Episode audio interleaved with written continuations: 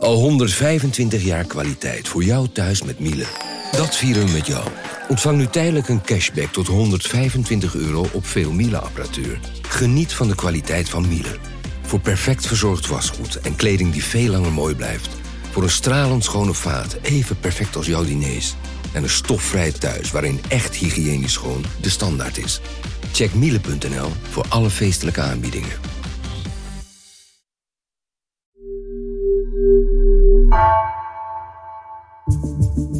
Vanaf de redactie van NRC het verhaal van vandaag. Mijn naam is Egbert Kalsen.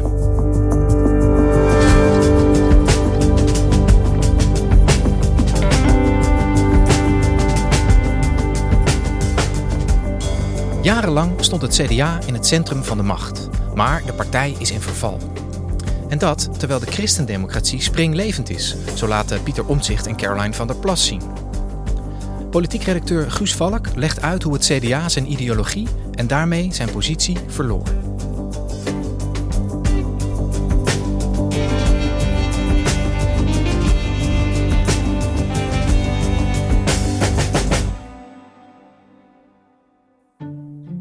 Deze week is het politieke seizoen weer begonnen in Den Haag. En als je nu door het Tweede Kamergebouw loopt, dan hoor je de hele tijd om je heen.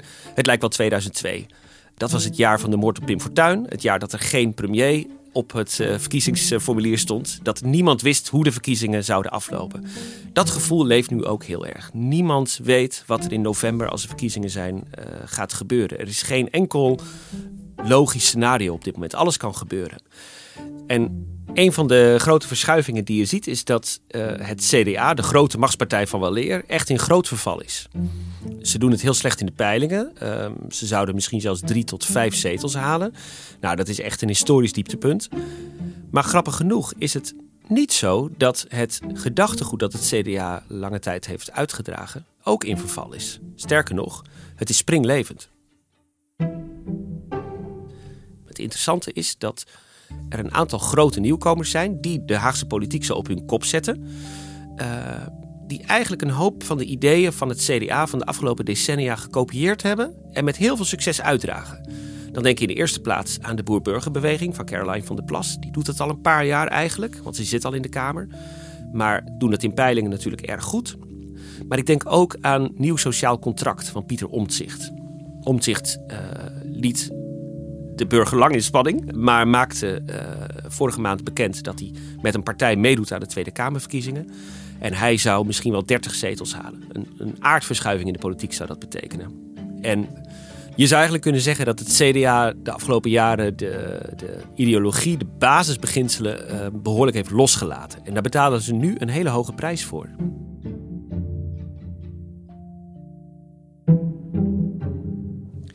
Ja, de machtspartij CDA in diep verval, hè, als we de laatste peilingen mogen geloven. Um, kan jij eens uitleggen, wat is er met die partij gebeurd de afgelopen decennia... dat ze zo hun kompas zijn kwijtgeraakt? Eigenlijk is de christendemocratie een, een van de grote drie 19e-eeuwse ideologieën... die de Nederlandse politiek gedomineerd heeft. Samen met het liberalisme en uh, de sociaaldemocratie. Waar liberalen geloven in het individu. Jij als burger moet de vrijheid hebben om je eigen keuzes te maken. En de vrije markt helpt je daarbij. En sociaaldemocraten heel geloven in een sterke overheid. Hè? De staat zorgt voor jou en uh, zorgt ervoor dat jij niet in de problemen komt. Daar zeggen de christendemocraten: nee, het, het is niet de staat, het is niet de markt, het, het zijn maatschappelijke organisaties, het is het middenveld dat er uiteindelijk voor zorgt dat alles reilt en zeilt in Nederland. Denk dus aan sportverenigingen, kerken, uh, kaartclubs, politieke partijen, noem het maar op. Alles waar je lid van kan worden, dat is uiteindelijk het cement tussen de stenen in de Nederlandse samenleving het CDA heeft daarmee met dat verhaal heel lang het heel goed gedaan. Uh, ze hebben jarenlang premiers geleverd. Altijd het centrum van de macht geweest. Maar ze zagen ook wel de kerk lopen leeg. Nederland seculariseert. Uh, in de jaren negentig kwam echt het geloof in de vrije markt op. Dus ze begonnen bij het CDA. En dan moet je vooral denken aan de tijdperk Paars. Tussen 1994 en 2002. Heel erg te twijfelen aan hun eigen verhaal. Dat waren namelijk de eerste jaren dat er geen confessionele partijen in de regering zaten. Terug nu naar de Haagse politiek. Daar is de tijd aangebroken om de ministersposten te verdelen. Een stoelendans waarbij één grote partij zwijgend moet toekijken, het CDA. Volgens sommigen is het de wraak van Van Mierlo, volgens anderen de schuld van Brinkman. Feit is dat de Christendemocraten voor het eerst buiten spel staan. En het CDA begon zich af te vragen: oh help, wat hebben we verkeerd gedaan? Dus die begonnen heel erg na te denken over waartoe zijn wij op aarde. Waar leidde dat toe bij het CDA? Wat zijn zij gaan doen toen? In 2002 werd Jan-Peter Balken de premier van uh, Nederland. Uh, hij was in de tijd daarvoor ook als wetenschapper uh, samen met ehm, zijn ehm, eh, compagnon Ab Klink, dat was de directeur van het Wetenschappelijke Instituut voor het CDA, bezig om het verhaal van het CDA te moderniseren, zoals zij dat zagen. En dat kwam omdat zij dachten dat Nederland uh, in het nieuwe millennium een, een liberaal land was geworden. Um, het liberalisme had het uiteindelijk gewonnen, zou je kunnen zeggen. En onder leiding van Klink, en Balkenende heeft dat ook heel erg omarmd, is uh, de partij een veel liberalere koers gaan varen. Dus ze hebben bijvoorbeeld het zorgstelsel uh, veel meer vrijgegeven. Ze hebben de woningmarkt geliberaliseerd. Ze hebben echt de, de, de, rol van de overheid, maar ook de rol van maatschappelijke organisaties eigenlijk veel kleiner gemaakt. En daarmee zijn ze een klein beetje op de VVD gaan lijken. Um, dat werkte voor een tijdje heel erg goed. Um, ze dachten bij het CDA ook een soort ja, heilige graal gevonden te hebben.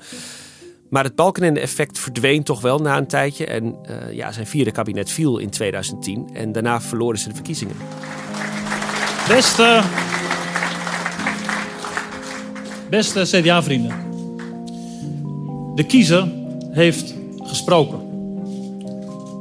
De uitslag van deze verkiezingen is zeer, zeer teleurstellend. Ik heb onze partijvoorzitter vanavond laten weten dat ik mijn partijleiderschap per direct neerleg.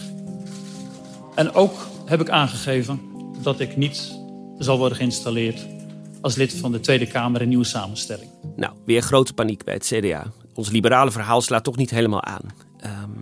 Toen zijn ze zich laten adviseren, dat deden ze al, maar toen zijn ze echt naar gaan luisteren. Um, door uh, een heel hip uh, marketingbureau, Motive Action. En die zei: Jullie moeten je gaan richten op, daar komt hij, de moderne burgerij. Dus ze hebben toen, onder Sibrand Buma was dat, weer een koerswijziging ingezet. En daar werd eigenlijk de bezorgde burger uitgevonden. Oké, de, de bezorgde burger. Wat, wat moet ik me daar precies bij voorstellen? Hoe zag dat eruit? Ja, ze hadden allemaal visioenen opeens over uh, kiezers in Phoenixwijken die niks meer met de kerk hebben, uh, maar nog wel traditioneel zijn, die het allemaal niet te gek willen hebben, uh, die, die bang zijn voor, voor ja, hoe een samenleving verandert. Dus ze kozen eigenlijk voor een wat rechtsconservatief verhaal in die Buma-jaren. Onze democratie staat onder druk. Omdat de politiek te weinig oog heeft voor zorgen van gewone mensen. We zijn het vertrouwen kwijt in artsen en in ziekenhuizen die verzekeraars oplichten, waardoor wij meer premie moeten betalen. We zijn het vertrouwen kwijt in banken en in woningbouwcorporaties, die onverantwoorde risico's namen met ons geld.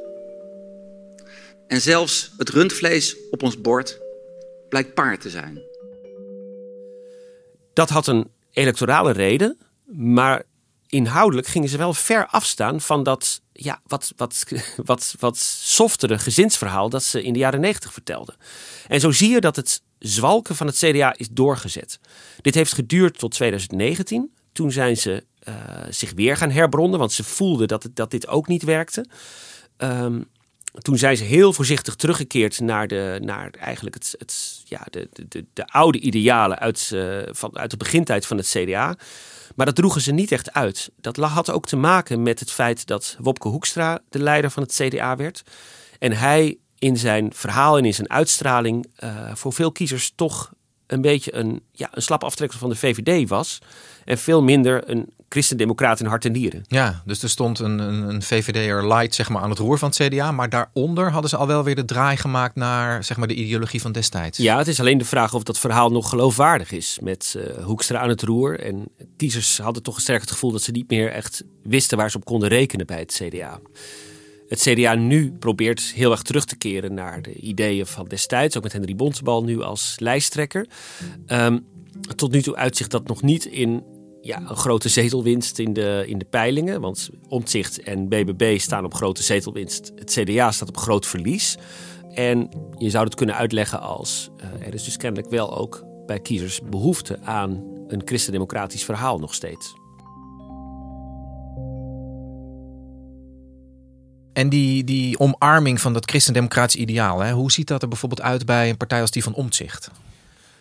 Het is goed om eerst uh, uh, even over Omtzigt te zeggen dat hij natuurlijk groot en bekend is geworden in de toeslagenaffaire. En in die tijd heeft hij jarenlang, dag in dag uit, ook als lid van het CDA, toen was hij nog lid van de CDA-fractie, de regering bevraagd over de manier waarop de Belastingdienst onschuldige burgers uh, de vernieling injoeg. En Omtzigt wist door dat vele spitwerk daar heel veel naar boven te halen. En het leidde tot de val van uh, Rutte 3 uiteindelijk. Onder dat graven en dat spitwerk, lijkt ook wel uit het uh, grondslagendocument dat hij nu heeft gepubliceerd, zit ook een uh, mens- en maatschappijbeeld dat heel erg doet denken aan de ideeën waarmee het CDA destijds is opgericht. Er zijn eigenlijk drie centrale gedachten in de christendemocratie die alle drie terugkomen in dat document van Omtzigt. En welke drie gedachten zijn dat precies? Kun je ons daar eens in meenemen? Nu wordt het technisch, hou je vast. Het eerste is het personalisme. Daar heeft hij het ook vaak over in zijn eh, document. Hij noemt het ook heel erg vaak. Dat is een filosofische term waar christendemocraten dol op zijn. En dat betekent eigenlijk dat jij als mens, als persoon, veel meer bent dan alleen de verzameling uh, atomen die jij ook bent. Uh, hè, er zit een ziel in jou. Je bent bezield als jij je werk doet, bijvoorbeeld. En Jij verdient daarom ook meer dan een, hè, als je het even naar het nu plakt, dan een uh, behandeling als dossiernummer zoveel bij de Belastingdienst in een uh, onpersoonlijke overheid die jou tegemoet treedt. Nee, jij, jij verdient het ook om als wezen behandeld te worden. Um, dat personalisme, zich noemt het ook een aantal keren in zijn uh, document is voor hem een cruciaal element. Het komt echt uit het uh, Rooms-Katholieke denken ook voort. Ja. Uh, die, die hebben het daar heel vaak over. En het sluit ook heel erg aan bij de manier waarop hij in die toeslagenaffaire heeft opgetreden. Exact. Het tweede is, en dat is een beetje een protestants idee, de soevereiniteit in eigen kring. Dat is ooit uh, bedacht door Abraham Kuyper in de 19e eeuw, de oprichter van de anti-revolutionaire partij. En dat is de, de moederpartij van het CDA, een van de drie moederpartijen. En wat is nou die soevereiniteit in eigen kring? Dat betekent, ik als burger, maar vooral ik als gezin of als gemeenschap, uh, bepaal uiteindelijk het liefst zelf wat er met mijn gemeenschap gebeurt. En de overheid mag zich wel een beetje op afstand uh, houden. Dat was destijds bedoeld om mensen hè, vrij hun godsdienst te laten beleven, bijvoorbeeld. Maar je kunt het ook op het nu plakken. Dat burgers een grote mate van vrijheid verdienen als het gaat om overheidsingrijpen. Dus mag een gemeente de politie bij een religieuze school langsturen, ik noem maar wat. Nee, dat mag niet zomaar, want we hebben de soevereiniteit in eigen kring. Oké, okay, dus we hebben het personalisme, hè, wat zich heel erg gericht op de mens. En we hebben die soevereiniteit in eigen kring, waar we het net over hadden. En wat is het derde beginsel? Dat is het zogeheten subsidiariteitsbeginsel. Jawel. Ik denk de eerste keer dat dat woord in uh, vandaag valt. um, de kern van dat begrip, ik kan er heel lang over praten, maar de kern van dat begrip is dat um, de overheid op een zo laag mogelijk niveau moet acteren. Dus liever de macht naar een gemeente dan naar een provincie. Liever de macht naar de provincie dan naar de Rijksoverheid. Uh, en liever de macht bij de Rijksoverheid dan in Brussel bijvoorbeeld. En dat heeft ermee te maken om de, zeg maar de, de overheidstaak zo dicht mogelijk bij de burger te leggen? Precies. En om de macht aan de regio's te geven. Want het CDA is ook altijd een regionale partij geweest met een sterke regionale machtsbasis. Daar zit eigenlijk ook hun kapitaal. Maar je kunt ook zeggen inderdaad, de burger heeft op die manier een zo uh, laagdrempelig mogelijke overheid. Ja. En die drie kernelementen van de christendemocratie zijn opeens hartstikke in de mode weer. Die, uh, iedereen heeft het erover, maar zeker Caroline van der Plas en Pieter Omtzigt. Ja, want hoe vertaalt zich dat bij, bij Van der Plas? We hebben nu Omtzigt behandeld, maar hoe zie je dit terug zeg maar, bij Van der Plas? Afgelopen maandag gaf Caroline van der Plas uh, de HJ schoollezing. Fijn dat u hier allemaal in grote getalen bent gekomen om deze 15e HJ schoollezing bij te wonen. Ik ben enorm trots dat ik deze lezing vandaag voor u mag geven. Dat is een hele prestigieuze lezing waarmee het politieke uh, seizoen wordt geopend. En Caroline van der Plas hield daar een verhaal waarin zij het uh, belang van gemeenschapszin heel erg onderstreepte. En het belang van regio's. Nederland hoort een land te zijn waar iedereen, ongeacht of je in Hartje Utrecht of in Brabantse Boekel woont, toegang moet hebben tot kansen. Om iedereen deelgenoot te kunnen laten zijn in het Nederlandse verhaal, moet het Nederlandse verhaal ook bereikbaar zijn. Niet alleen vanuit ook een economisch oogpunt, maar ook en juist vanuit de sociale noodzaak. Zij zei dat er ook veel meer macht van Den Haag naar de regio's moest verplaatsen. In haar geval niet zo heel gek, want BBB is heel sterk in de regio's. Ze zit sterk in de provinciale staten natuurlijk.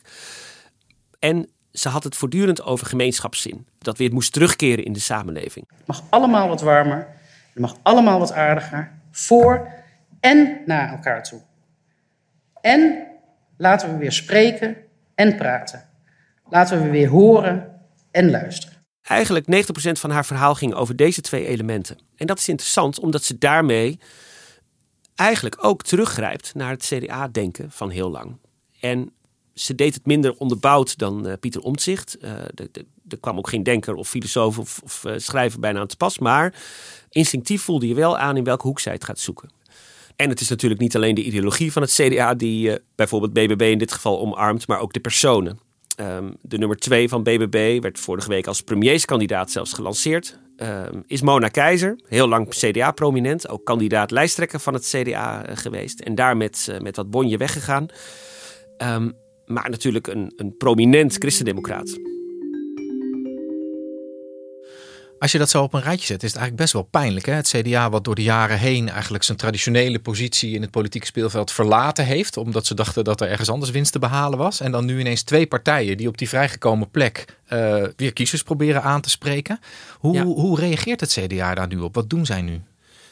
Interessant aan Henry Bontebal, de, de nieuwe lijsttrekker van het CDA en ook nu fractievoorzitter, is dat hij in ieder geval probeert om de kiezer duidelijk te maken dat zij dit altijd al gevonden hebben. Dit is eigenlijk hun plek. Dit is waar wij horen, precies. Dus hij begint ook nu veel over het gezin. Juist thuis, op school, op het werk, in de kerk of de moskee, in de wijk en bij een vereniging leer je wat samenleving is. Verantwoordelijkheid nemen en onderdeel zijn van iets dat groter is dan jijzelf. En die morele vorming is onmisbaar en in economische termen ook onbetaalbaar. En ik had het al sinds Balkenende niet meer gehoord, maar begon weer over waarden en normen. Ze zeggen nooit normen en waarden bij het CDA, maar altijd waarden en normen. Want de waarden zijn belangrijker en de normen komen voort uit die waarden. En het is nu natuurlijk de vraag of de kiezer dat pikt. Deze terugkeer naar de oude grondbeginselen van het CDA. Of dat de kiezer denkt, ja wacht eens even, jullie zijn voortdurend achter de veronderstelde mode aangelopen. Doe je dat nu niet weer? Dus het wordt voor het CDA heel moeilijk om de kiezer de komende weken, want het is echt kort tot verkiezingen, duidelijk te maken dat zij uiteindelijk de traditionele boodschap verkondigen en dat de rest eigenlijk spin-offs zijn. Ja, en als je er vanuit het perspectief van de kiezer naar kijkt, Guus, is, dat, is die hele ideologie, hè, is die dan weg geweest bij de kiezer? Of was die er altijd wel en, en hadden ze gewoon geen partij waarbij ze, waarop ze konden stemmen die die ideologie nog uitdroeg? Ja, wat ze vaak zelf bij het CDA zeggen is... we waren gewoon een tijdje niet zo populair, ons, ons gedachtegoed. Uh, in de jaren 90 en de jaren 0 was gewoon heel Nederland hartstikke liberaal... en iedereen geloofde in de zegeningen van de vrije markt.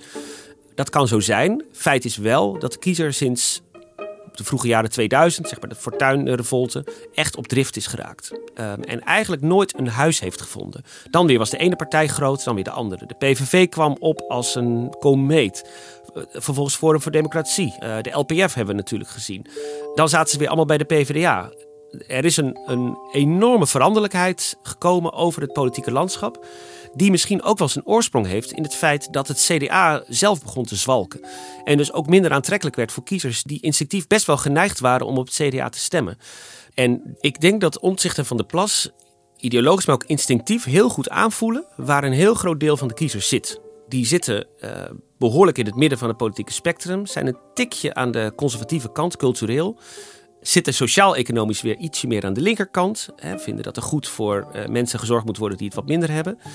En zij weten daarmee eigenlijk uh, de een omzicht misschien wat steviger inhoudelijk en Caroline van der Plas wat meer, wat, wat meer op, het, op het gut feeling, wat meer op het instinct gericht. Maar ze weten allebei heel goed waar de instincten van de kiezers op dit moment liggen. Ja. En ik denk dat zij allebei het electorale uh, kapitaal heel goed weten te vinden. Dat zit daar, op, dat, op drie plekken in het politieke spectrum. De christendemocratie is terug, maar onder een andere naam. Precies. Ja. Dankjewel, Guus. Alsjeblieft.